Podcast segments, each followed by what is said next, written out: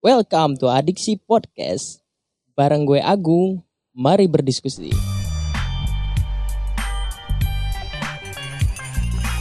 Halo everyone, anjing halo everyone.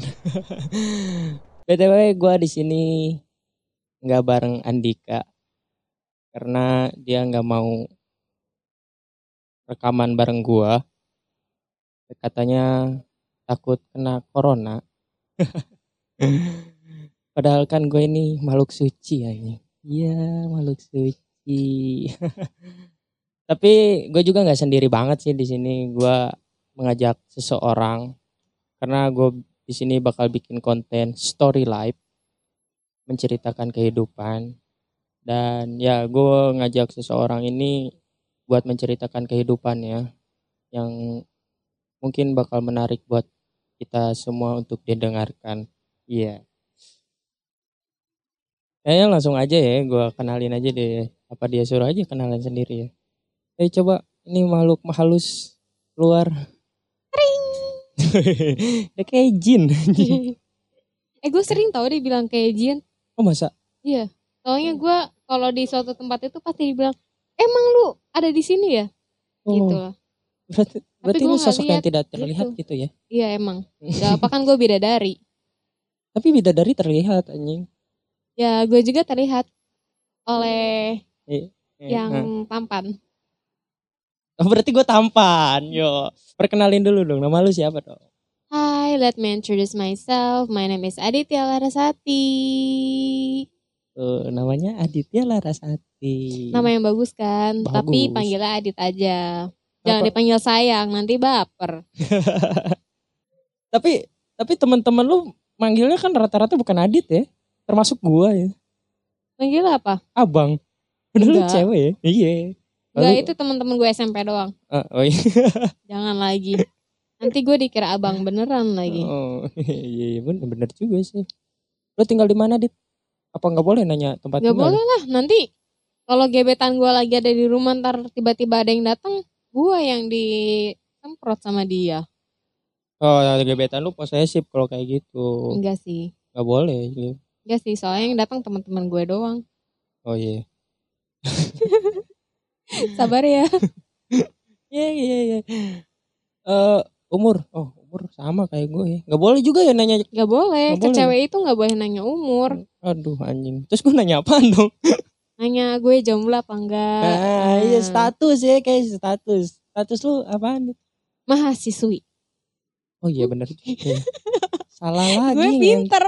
Gue ngentot salah mulu anjing. Tapi gue status gue, status gue nih bukan mahasiswa, bukan. Status lu pekerja. jomblo.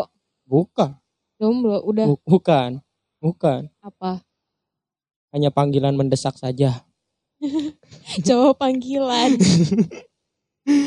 Sta- itu Dasar. status di WhatsApp ya, hanya panggilan iya, mendesak bener. saja. Iya. Ya itu namanya cowok panggilan ya. Kalau ada yang statusnya di WhatsApp kayak gitu, berarti dia cowok panggilan. Oh iya bener juga ya. Tapi tapi iya sih. Iya gue juga sering dipanggil sih. Ya udah. Udah udah lu kalah kalau ngomong sama gue. BTW Dit, sekarang lo lagi jalanin apa nih? Lagi sibuk apa gitu? Lagi sibuk kuliah sambil gue bikin kecil-kecilan lah usaha WO.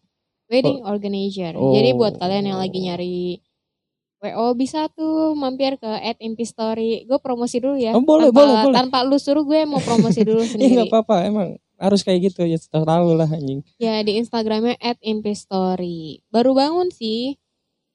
Tidur. Baru bangun. Hmm, tidur. Terserah lu dah. Apa tadi IG-nya? At Story. Jelasin dong, deskripsiin dong itu WO lu tuh seperti apa. Biar sekalian promo lah. Ya WO gue kayak WO kayak WO lainnya. Ya dekorasi ada, tenda ada, mau di gedung juga ada. Nah kalau WO gue ini temanya tapi lebih ke rustic dan harganya juga bisa nggak terlalu tinggi lah, nggak terlalu tinggi banget lah. Jadi buat yang mau rustic temanya dengan konsep yang wow tapi harganya eh, dibilang mahal juga enggak tapi dibilang murah juga enggak kalian bisa langsung cek aja di Instagram gue at impistory Yo, Tapi gue tuh kurang ngerti ya dengan wedding organizer tuh kurang paham gitu. Itu kalau wedding organizer tuh pernikahan kita berarti diurusin sama dia semua nih. Iya. Apa gimana? Iya. Iya. Dari semuanya sampai catering cateringnya diurusin. Ya tergantung. Kadang ada ada yang mau ngambil cateringnya juga, ada juga yang nggak mau. Oh jadi ada Gitu. bagian-bagiannya gitu kayak ada. Jenis-jenisnya gitu. Lo mau ngambil tendanya Iya. doang, lo mau ngambil itunya doang. Iya, gitu. jadi kayak misalnya lu mau ngambil make upnya doang kah, atau mau ambil dekorasinya doang kah gitu. Oh. Pokoknya iya, macam-macam paham, deh. paham, Makanya paham. lu nikah dulu jadi lu bisa ngerti. Oke besok kalau nggak hujan ya. Oke, siap. Kalau nggak kesiangan juga. BTW berarti itu lu jalanin sambil kuliah. Iya. Kan sekarang kuliahnya lagi online coy, jadi ya Oh, iya. lumayan lah. Sekarang lagi ini ya work work from home. Iya, kan ini jarak lu sama gue aja sekitar 2 km. Oh jauh dong. Iya tentu. Jauh dong. Kagak kelihatan dong. Iya, Dua kayak kilometer. bagus sih. 2 km nggak kelihatan kayak jadi kayak lagi musuhan aja. Oh iya iya sebenarnya kita musuhan ya Dit ya. Iya emang. Iya. Makanya kan nomor lu nggak gue save. Oh bangsat emang anjing. WA gue nggak di save bang. Pantesan gue nggak pernah Iya. lihat snap WA-nya. Ngentot, ngentot. Maaf ya, teman-teman deket gue juga nggak pada gue save. Anjing ya ini makhluk anjing. Itu ya. jadi gue jujur ya. Gue jadi gue kadang kalau misalkan mau WhatsApp orang tuh bingung. Ini aduh nomornya yang mana ya si Agung. Aduh gue lupa lagi. Udah tuh gue chatan ke adik, gue minta kontak Agung. Pas Terus- lu minta taunya ada history chatnya ya. Iya. Gue gue kan terlalu pinter. Anjing. Dia tuh tipe orang yang di mana ada yang ribet ngapain harus yang gampang gitu. Ya lu suka yang ribet kan? Itu kan ribet anjing. Oh iya bener. Iya. Iya bener-bener. Terus sekarang lu ngejalanin WA sambil kuliah juga ribet kan anjing. Demi duit, Oh why iya. not? Duit dengan gelar ya pendidikan. Iya. BTW semester berapa lu? Berapa ya gue aja lupa. Goblok. Aduh. Kayaknya semester 4 deh, kayaknya semester 4. Semester 4. Kayaknya. 4 apa? Eh 3 3 coy. Eh, Agak anjing. tau ah gue lupa Eh, bodo amat. ini tar dulu, tar dulu, tar dulu. Tar dulu. Gue nih kan kagak kagak kuliah ya, cuman gue pernah sekolah sampai SMA gitu. Gue tahu gitu kalau gue posisinya di kelas 2 atau kelas 3 gue tahu gitu. gue lupa sumpah. Wah, Soalnya yang anjing. gue inget IPK IPK semester gue yang kemarin itu bener-bener jelek banget karena gue kerja dan gue males masuk kuliah. Nah itu semester berapa kemarin? Ah, Gak tahu juga. lupa gue demi Astagfirullah. maaf tuh ya. Coba buat lo yang kuliah emang kayak gini juga lu lupa juga ya semester lu berapa anjing. Udah nggak usah diinget-inget. Yang penting mah lu nanti pas skripsi harus inget, pas lu mau TA harus inget. Udah gitu doang Oh, intinya mah iya. coy. Eh, iya, iya bener. Tapi jurusan apaan lu Dit? Di kuliah? Eh, sistem informatika kalau nggak salah.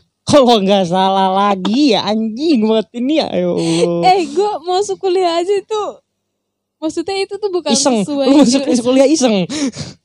bukan sesuai jurusan apa yang gue pengen. Oh. Jadi ya udah, Lu pengennya apa emang? gue pengennya psikologi. Nggak ada ya di universitas. Ya, universitas lu. Gak ada. Nggak ada. Berarti lu lagi semangat-semangatnya nih ya jalanin pekerjaan. Eh pekerjaan apa bisnis dulu kali ya. Sama kuliah lu. Ya lumayan sih, lumayan. Ya pokoknya ya hidup, ya sekali lagi lu hidup ya lu harus bisa semangat. Mau gimana pun kondisi lu lagi di bawah kayak di atas kayak ya lu harus bisa semangat terus lah. Tapi kan semangat itu butuh dorongan, Dit. Iya sih. Kayak dari pacar, keluarga, teman-teman, kawan-kawan, sahabat-sahabat, orang pinggiran, binatang ternak, peliharaan. Itu Semut. eh, pokoknya apa aja yang bikin lo semangat dah. Iya iya iya. Semuanya bisa bisa. bikin lo semangat itu. Iya sih benar. Kalau lu semang- dorongan semangatnya tuh dari mana sih? Dari gue harus punya achievement buat diri gue dan gue harus bisa banggain orang-orang yang ada di sekitar gue. Jadi jadi jadi semangat lu dari diri lu sendiri gitu. Kayak lu- bisa kayak lu- dibilang iya sih. Tapi ya pasti ada pasti Tapi ada dukungan dari dorongan dong. luar juga. Iya ada faktor eksternalnya juga dong. Ya ya kayak misalnya contoh nih, eh lo pengen bahagiain nyokap lo, bokap lo, nah itu baru. Iya paling penting tuh biasanya dari Kalau gue ya, kalau gue pribadi itu dari keluarga. Hmm. Karena kan mereka orang-orang terdekat. Kalau lu keluarga lu gimana, Dit? Keluarga gue gimana nih? Enggak maksudnya maksudnya eh, cara menyemangati mereka tuh gimana? Lu dapet dukungan gak dari mereka gitu? Ya kalau keluarga gue sih selagi itu positif ya silahkan dilakukan. Kalau itu udah menuju hal-hal negatif baru Tapi biasanya yang negatif itu menghasilkan lebih. eh gak berani sih ya gue. Soalnya gue mikir dosa gue di dunia aja ada banyak apalagi gue melakukan hal yang lebih negatif. Dosa gue lebih banyak coy. Oh iya bener. Tapi nanggung, Dit. Ini sekalian. Jangan. Ingat siksaannya lama. ya tapi ngomongin keluarga nih. Kalau Hmm. Kalau gue pribadi ya keluarga tuh selalu menyemangati gue. Cuman kalau gue pribadi tuh kayak ada yang kurang gitu. Ketika gue di umur gue sekarang ya gue ngerasa kayak ya gue melakukan apa-apa tuh kurang gitu kurang kurang ada dukungan Kenapa tuh? karena ya orang tua gue tuh tinggal sebelah Ya sama. Tinggal sebelah juga. Sebelah kamar. bisa bisa bisa bisa Taruh-taruh gue penasaran. Kayaknya lu ngajak kolaps gue tuh gara-gara si Andika ngeliat status gue ya. iya iya tapi Soalnya gue kan tapi gue gak nge-save nomor lu nih. iya Andika yang lihat Andika lihat Iya. status lo terus dia Hmm. bilang ke gua kayaknya nih orang butuh ngobrol dan harus sama lu nih Gung katanya cocoknya sama lu Kenapa Karena tuh? mempunyai pengalaman yang sama dan mempunyai Oh. keadaan yang sama enggak sih keadaan mah beda-beda keadaan orang beda-beda tapi pengalamannya sama gitu Iya sih benar. Nah, tapi jujur gua nggak tahu itu statusnya apa Nah anjing jadi nih, jadi gue gue gue ceritain dulu nih ya Eh. statusnya itu. Gue tuh kan lagi ya malam minggu lah ya, malam minggu biasa main di Perum. Nah di Perum itu jam 11 malam di ada tuh anak tetangga, anak SMP. Heeh. Dia tiba-tiba dia jarang ngobrol sama gue, terus dia tiba-tiba ngedeketin gue nanya gini, kan rasanya punya orang tua baru gimana sih? Wih. Nah Wih, di situ dia nanya dan itu yang gue jadiin story gue bikin cerita panjang tuh bikin story-nya. ya jadi istilahnya gue terus sama gue gue jelasin tuh kenapa terus dia akhirnya cerita iya kak soalnya kan ibu sama ayah aku udah istilahnya broken home lah ya udah cerai nah Hmm.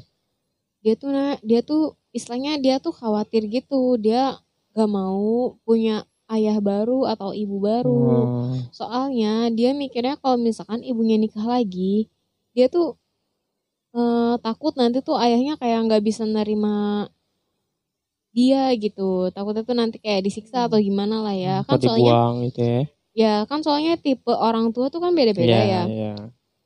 Nah dia cerita tuh dia tuh takut kalau misalkan ayahnya yang baru, misalnya ibunya nikah lagi sama Hmm. ayah yang baru. Nah dia tuh takutnya nanti kayak ya si ibunya nanti takutnya nggak sayang lagi lah sama dia atau gimana gitu. Oh berarti Itu tuh isi story yang si Andika baca di gue. dan gue baru tahu anjing dia suruh gue ngobrol sama lu tanpa memberitahu asal usulnya apa. Entot ya emang dan maaf ya soalnya gue juga gak save nomor lu. ini entot banget nih orang-orang ya anjing. Bener gue anjing udah gak, gak butuh temen gue anjing udah bodoh Ya udah amat. tuh kan jarak kita sekarang 2 km ya Iya udah. udah, Iya, emang kan musuhan kita anjing. Iya, gue bilang emang. nih tadi musuhan emang. Tapi kenapa kita masih ngobrol? Konten. Oke siap. Nah, gue eh, berarti berarti kalau berarti dari status itu yang nikah lagi nih dari berarti ada sangkut pautnya sama keluarga lu dong. Ya ada. Ya iya berarti ada. kan. Berarti sama dong nikah lagi atau Ya, whatever sama. it is. Itu dari pihak mana? Bokap nyokap yang nikah lagi. Eh, gue story keluarga gue dulu ya. Oke, boleh. Nah, jadi dulu tuh ibu gue meninggal karena sakit kanker leukemia. Turut berduka cita. Ya, Gue merasakan you're not alone. Ya. Terus after a long time, eh gue tuh gue sendiri tuh gue kayak nggak nyetujuin buat bokap gue nikah lagi karena kayak apa ya kayak gue mikir gue takut sama keresahannya tuh sama gue tuh takutnya nanti bokap gue tuh tinggal misalnya ya bokap gue tinggal sama istrinya terus kayak gue kakak gue adik gue terus kayak dibiarin kayak gitu loh kan soalnya uh, ini juga kayak dari pengalaman beberapa orang sih ya soalnya Hmm. gue ngeliat nih temen kakak gue ada yang bokapnya nikah lagi ataupun habis istrinya meninggal dia tuh kayak kurang peduli gitu deh sama anaknya nah Ya terus soalnya kan kayak misalnya ya ini gue lihat dari story life ya hmm. Ya, karena ada konten kita oh iya, story life. Ya oke. Nah, cowok itu kalau misalkan udah ditinggal cewek, misalnya ditinggal istrinya ya, dia tuh kadang ada yang bisa nerusin hidupnya dia kayak she's the one gitu. Dia udah kehilangan si yang tersayangnya itu, dia masih punya si anak-anaknya, dia masih bisa melanjutkan hidup Tanpa harus mencari yang tanpa harus mencari yang baru. ya, like Nah, Habibi. Ya, ada lagi eh, yang misalnya dia udah kehilangan yang satu, ya dia harus mencari lagi yang lain buat dia ada penyemangat lagi gitu. Hmm. Jadi misalnya ya beda-beda, tapi alhamdulillahnya bokap gue itu termaksud yang misalnya dia bisa sabar lah, dia bisa ngerti keadaan gue. Hmm. Kalau gue tuh belum mau punya nyokap baru gitu. Berarti bokap lu ini tidak melakukan eh tidak melakukan anjing, tidak mencari yang baru. eh sebenarnya gue juga tahu sih dia nyari tapi dia juga mencari yang harus klik di hati anak-anaknya gitu Hmm, bener. Suruh pakai Tinder. dasar mainan lu itu Iya anjing, iyalah jomblo gue ngentot harus cari kayak gitu ya. Berarti sekarang bokap lu tuh lagi nyari apa enggak? Eh, udah sih udah nikah lagi coy Udah nikah lagi. Udah Berarti posisinya bukan nyari dong, Eh, eh, oh ya oh iya sudah benar mendapatkan Gak maksudnya pas jadi jarak dari nyokap gue meninggal sampai sekarang dia nikah lagi itu sekitar nyokap gue meninggal 2012 sekarang 2020 ya sekitar Delapan. 8 Iya 8 tahun. Iya, sekitar iya iya sih. Iya benar sekitar 8 tahun. Iya. Sekitar 8 tahun dan itu pun eh gue sedikit tidak menyetujui Kenapa? karena apa ya? Gue merasa ada yang belum klik aja gitu. Em, ya ya Ya emang sih. Maksudnya untuk menemukan seseorang yang baru untuk menggantikan yang lama itu nggak butuh- bisa. Butuh waktu yang lama butuh juga. waktu yang lama. Mm-mm. Karena lo lo misalkan sama ibu lu juga kan berapa lama? Lu sama ibu lu aja dari rahim aja 9 bulan Iya. keluar. Lu diurus, dicebokin sama nyokap lu juga berapa tahun ya kan? Mhm, Nah, benar. coba nyokap yang baru mau emang nyebokin lu nggak mau kan? Jadi nggak bakal bisa ya gue akrab. udah gede coy. Beda cerita. Iya maksudnya gitu gue. Nah, dibalik bokap gue nikah lagi itu, itu tuh sebenarnya udah gue undur-undur dari lima bulan sebelumnya.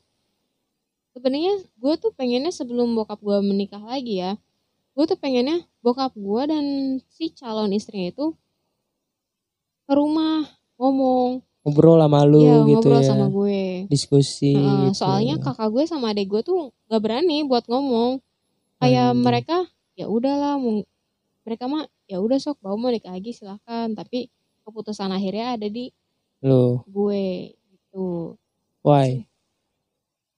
karena kakak gue sama adik gue tuh nggak berani ngomong nggak berani buat ngomong.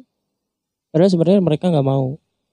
Gak tahu juga sih tapi pokoknya kakak gue tuh bilang ya udah sok keputusan akhirnya dari kamu terserah. Ya kakak gue mungkin kakak gue kan lebih dewasa jadi kakak gue mikir kayak ya bapak gue juga butuh pendamping buat nantinya kalau misalkan kakak gue adik gue gue menikah gitu. Terus? Terus akhirnya gue WhatsApp bapak gue. Gue bilang gini aku nggak ngizinin bapak buat nikah lagi bulan ini dan bulan depan karena gue jelasin tuh yang Hmm. tadi gitu lu bokap lu selang dari meninggalnya nyokap 8 Bro, tahun 8 tahun baru baru mau nikah lagi. Iya itu pun karena ya gue terpaksa bolehkan Iya. karena gue udah ngobrol sama temen-temen gue yang nyokapnya udah pada meninggal juga kan Wah. jadi kayak udah nggak apa-apa soalnya bapak kamu juga pasti nanti butuh ada yang ngurusin kalau dia sakit atau gimana Iya, itu. gitu Lu di di selang waktu 8 tahun aja lu nggak nerima ya? iya sih Susah buat nerima susah ya. lah Apalagi gue yang bokap gue itu Hmm. hanya selang setahun. oh my god Itu gue tidak bisa gue tidak bisa menerima sama sekali tidak bisa menerimanya gitu loh. kenapa tuh Karena tidak ada yang bisa menggantikan sosok nyokap gua gitu. Seperti apa yang gue bilang tadi kan, ya gue dicebokin sama dia berapa tahun ya kan. Ini orang baru tuh nggak bisa seperti itu. Ya, semuanya juga sama. Ini gue kan lima bersaudara ya. Kakak gue empat, tiga cowok satu cewek. Kalau kalau ini ceweknya tuh datang dulu ke anak-anak bokap gue deh ya dia tuh datang dulu ke anak-anak bokap gua di di meja bundar gitu. Anjing kayak konferensi gitu loh kongres gitu. Hmm.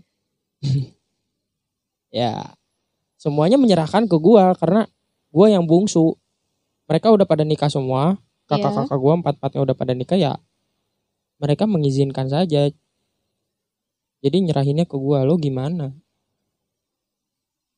Ya gue bilang kalau emang tuh cewek bisa ngurus bokap gua bisa ngasih makan bokap gua pas gua lapar bisa ngasih eh bisa nyuciin bajunya ketika bajunya kotor bisa mijitin ketika bokap gua lagi sakit badan bisa Iya. ngasih obat ketika bokap gua sakit.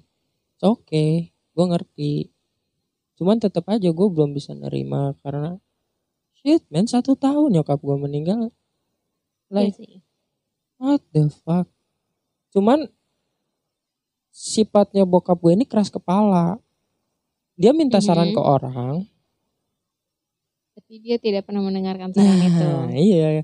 Kayak gitu. Sedih ya, Wak. Dan dia keke nikah. Ke Hmm. Sampai nikahnya pun.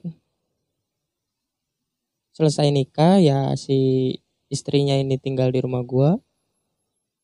Gue tidak pernah saling sapa tegur, tegur sapa gitu sama Gua disuruh manggil mama nggak mau gua. Jadi Kenapa? si ya mama tuh panggilan buat nyokap gua nggak ada lagi anjing sih. Apa? Nggak ada lagi mama tuh hanya untuk nyokap gua. Terus juga eh, apa namanya nyokap eh nyokap eh, istrinya bokap gua nih kayak dia kurang aware aja gitu sama bokap gue tuh kurang kurang care Hmm. gitu kan Iya. kurang Ngerti, care ngerti. gitu jadi gue nggak anjing bodo amat gitu dia dia masakin buat gue gue nggak makan sampai bokap gue marahin gue lu kenapa nggak mau makan nggak mau makanan dari ibu tiri lu iya nggak mau kenapa emang gua. Ibu tiri gue nggak tahu makanan sukaan gue apa apa nggak tahu. Jadi gue nggak bisa nerima sama sekali nggak tidak bisa nerima. Dan yang pada ujungnya karena anak-anaknya tidak menerima Hmm. itu berjalan hanya satu tahun bokap gua. Akhirnya cerai lagi. Percuma kan? Pas cerai lagi gue bilang ya gue ngerti sekarang. Lo butuh bapak butuh apa namanya kebutuhan biologis lah something like that ya kan. Tapi cari yang benar-benar care sama bapak kata gue yang sepeduli mama. Cari yang seperti itu. Kalau nggak ada jangan kata gue dia nggak sayang sama gue bodoh amat gitu dit. Ya paham. dia nggak sayang sama Yang gue penting nggak bodoh sayang amat. sama bokap. Nah, karena gue karena ah, ini kan kakak kakak gue udah nikah ya, otomatis kan ya jarang lah lihat bokap gue kan. Gue juga masih yang belum bisa ngasih apa-apa gitu kan. Kenapa itu posisinya? Gue masih SMA dia mau nikah lagi tuh.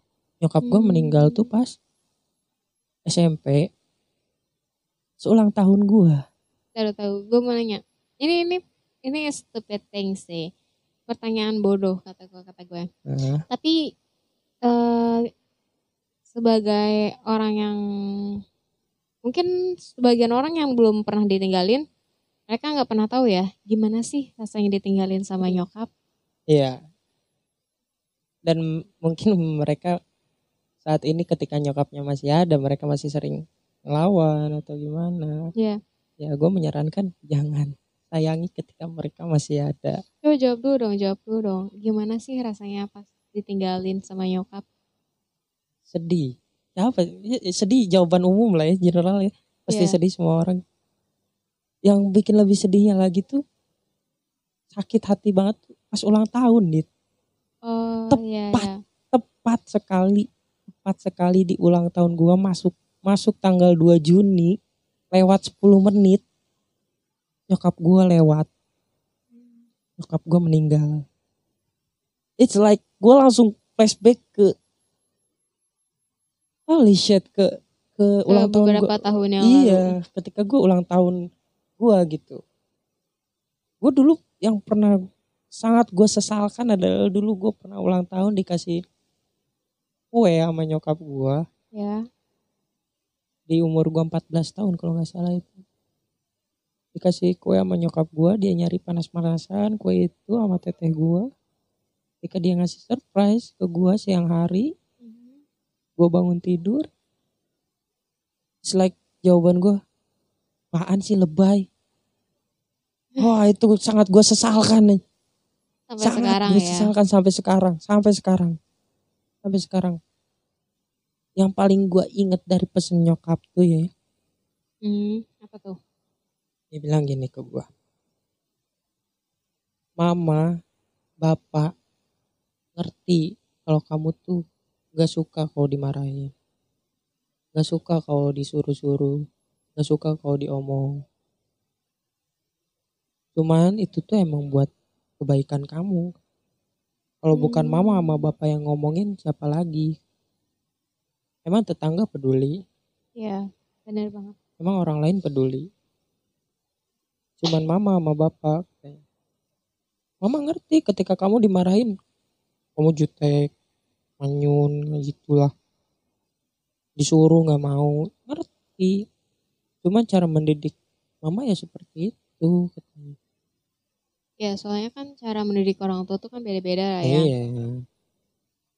Lo sendiri gimana di perasaan ketika ditinggal nyokap? Ya kalau misalkan ditanya pas gimana rasanya ditinggal nyokap? Gitu ya. Sakit hati ya. Sakit. Sakit Sakit. banget. Udah bukan sedih lagi. Udah bukan sedih. Iya. Jatuhnya tuh kayak lu udah sedih udah jatuh sakit. Gimana ya? Wah beda lah. Beda beda lah beda beda rasanya kayak lu beda di ditinggal pacar lah ya. Itu beda banget. Ya oh jauh banget kalau gitu mah Like- nah kan maksudnya kan kadang ada orang yang mikir kayak eh tinggal ya ditinggal pacar gitu sampai sedih yang berlarut-larut apa gimana. Nah lu kalau misalnya udah kehilangan nyokap lu atau lu udah kehilangan orang yang lu sayang lah kayak misalnya nyokap atau bokap lu iya. itu tuh kayak lu tuh kayak udah dihujam dengan rasa sakit yang bener-bener sakit. Iya dan ditinggalin pacar tuh udah nggak ada rasa apa-apa enggak nggak. Ada nggak ada yang melebihi sakitnya mati ditinggalin. rasa gue mah kalau Hmm? gue malah mati rasa. Iya bener. Kayak gue ditinggalin. Iya ditinggalin pacar mah. Oh, oh, oh, ya udah. Udah ya, gampang lah gue nyari yang baru juga Iya. bisa ketemu banyak tapi kalau misalkan ditinggalin nyokap tuh kayak Nggak, lu ah. kayak lu tuh bakal keinget nyokap lu tuh Hmm. lagi suka masakin masakan apa ke lu terus nih satu hal yang gue ingat tadi bukan bukan satu hal sih sebenarnya ini yang paling gue inget banget Heeh. sih jadi kayak contoh ya kayak pas gue ulang tahun biasanya tuh keluarga gue tuh kalau misalkan ulang tahun tuh kayak beli kue Hmm. Terus kayak makan ayam bakar gitu makan ayam bakar di Oke. rumah bareng-bareng. Terus kayak berdoa dulu. Terus kayak sekarang tuh kayak ya berkurang satu. Iya bener. Walaupun walaupun emang masih kayak masih suka tiup lilin sama keluarga gue Hmm. terus sama kayak masih suka makan ayam bakar. Tapi tuh kayak di akhir di akhir doanya tuh kayak semoga ibu juga bahagia. Terus ibu juga ngeliat kita bahagia di sini. Jadi kita harus sering-sering kirim doa buat ibu semoga ibu bahagia di sana semoga ibu sudah menemukan tempat yang lebih nyaman dan tidak merasakan sakit lagi Amin. Tapi Gitu gue ya kalau ulang tahun malah bingung dit.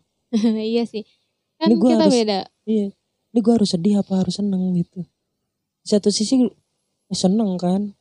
Seneng dirayain teman-teman, dikasih Iya. kado ya kan. Ini satu sisi lagi. Ini pas banget nyokap gue gitu. Siapa? Teman-teman gue lah siapa lah anjing di sini yang ditinggalin pas hari ulang tahun tuh kayak what the fuck? Itu tuh kayak tiap ulang tahun tuh itu pasti bakal reminds di Wah. otak banget sih. Detik-detik ketika nyokap gue nggak ada selalu pas ulang tahun tuh selalu. Selalu keputar ulang Iya. terus. selalu banget kayak kayak flashback itu kejadiannya gitu. Wah.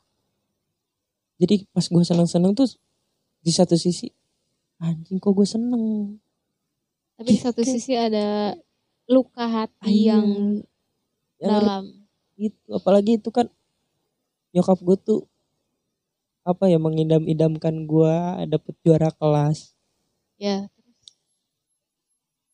gue gue tuh karena dari SD tuh kakak-kakak gue semua itu juara kelas. Cuman gue doang ini yang bungsu kenapa kayak gini gitu maksudnya. Ketika SD tuh gue paling ya 10 besar 10 besar gitu kan. Ya nyokap gue tuh pengen gue kayak abang-abang gue kayak kakak gue gitu yang setiap tiap kelas tuh dapat juara kelas terus. Mhm. di SMP kelas 1 gue berniat untuk membuktikannya di kelas 2 kelas 1 gue hancur. Kelas 2 gue masuk 10 besar 2 semester. Kelas 3 semester 1 gue dapat ranking 3 ya itu masih ada nyokap. Itu gue dapat ranking 3 aja gue kasih ke nyokap tuh kayak wow. Kayak Sen- finally anak iya, gue bisa iya. gitu ya. Kayak seneng banget. Gue lihat raut mukanya tuh jadi hati gue tuh kayak berbunga-bunga gue bisa buktiin gitu. Hmm. sampai ditanya sama kakak gue tuh yang cewek lo bisa pertahanin gak ini ranking 3 sampai nanti lulus sekolah? katanya. Ya terus? Gue bilang gue nggak bakal bisa pertahanin ranking 3 tapi gue bakal naik lagi gitu gue hmm, ranking 1 gitu. Terus pada akhirnya lu bisa nggak sih mencapai sampai di titik puncak? Gue capai itu gue di kelulusan gue dapet ranking 1 di kelas. Ya.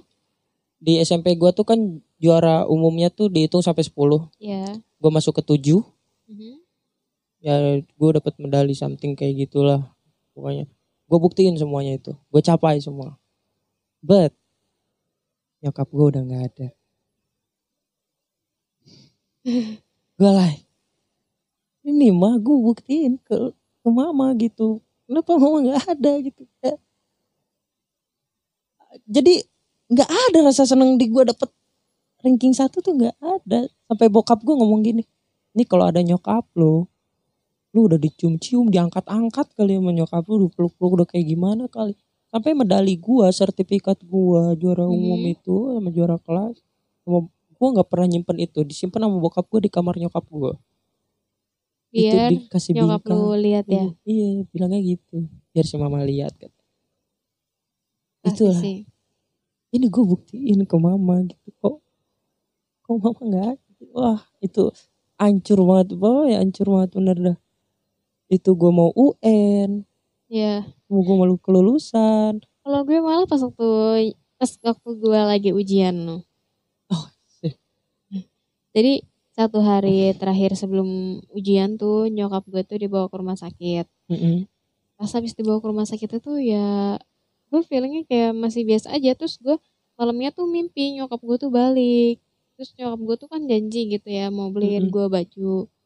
Sampai gue mimpi nyokap gue tuh beliin gue baju gue pergi sama dia. Tapi taunya pas dia balik ke rumah gue tuh dibangunin jam 5 pagi.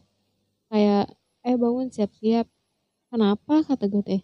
Kan aku masih ada ujian satu lagi terus "Eh, udah nggak usah masuk dulu soalnya ibu meninggal. Ah.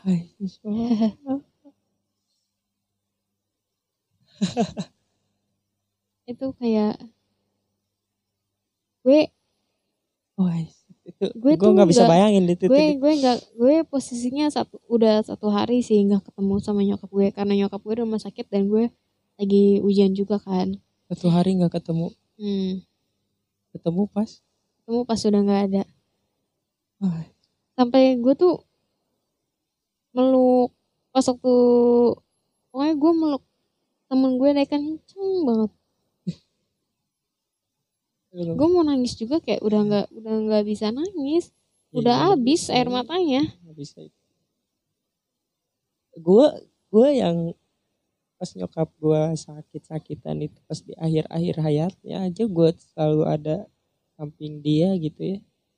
Gue masih tidak bisa kayak "Ah, nggak bisa nerima gitu. Gue sampai di detik dia keluar nafas terakhirnya aja di hadapan gue itu nggak Iya. Kayak gue masih kayak rasa banget sakit gitu apalagi yang lo sehari nggak ketemu tiba-tiba ketemu. Wow. soalnya yang bikin sakit soalnya gue mimpi dulu. Gue Ah. mimpi ketemu nyokap gue sembuh. Gue mimpi ketemu nyokap gue sembuh. Dan dia pergi keluar jalan sama gue. Gak usah nangis santai-santai. Nggak tahu di gue kalau udah ngomongin nyokap tuh kayak pasti gitu kalau udah kayak ngebahas kita kehilangan orang yang kita bener-bener sayang itu Mm-mm. kayak bener-bener dalam banget Mm. soalnya kayak kalau lu belum pernah merasakan seseorang yang penting hilang dalam hidup lu tuh kayak lu nggak bakal tahu sakitnya gimana lu Mm. misalnya kangen nih sama orang terus orang itu masih bisa lu ketemuin dia udah itu tuh bakal kelepas gitu aja kangennya tapi kalau misalkan lu kangen sama orang yang nggak bisa lu temui lagi di bumi ini itu Ah. sakit yang bukan bener-bener sakit wow ketemu di mimpi aja udah seneng banget ketemu di ketemu di mimpi juga itu udah kayak terima kasih ya Allah Iya. udah ketemuin di mimpi walaupun ya kita bisa lihat fotonya tapi kayak feelnya kurang aja Iya. kalau misalkan di mimpi kan kayak kita bisa eh kayak kita bisa ngerasa meluk banget. Nah, apalagi gue pas waktu kemarin tuh pas waktu hari ibu ya. Heeh. gue mimpiin nyokap gue datang ke rumah. Terus dia meluk gue erat banget. Kayak ya ampun. Terus gue tuh gue tuh sadar nyokap gue tuh meninggal. Gue nyokap gue tuh udah meninggal. Gue tuh sampai di mimpi itu aja nangis. Gue bukan udah gak ada.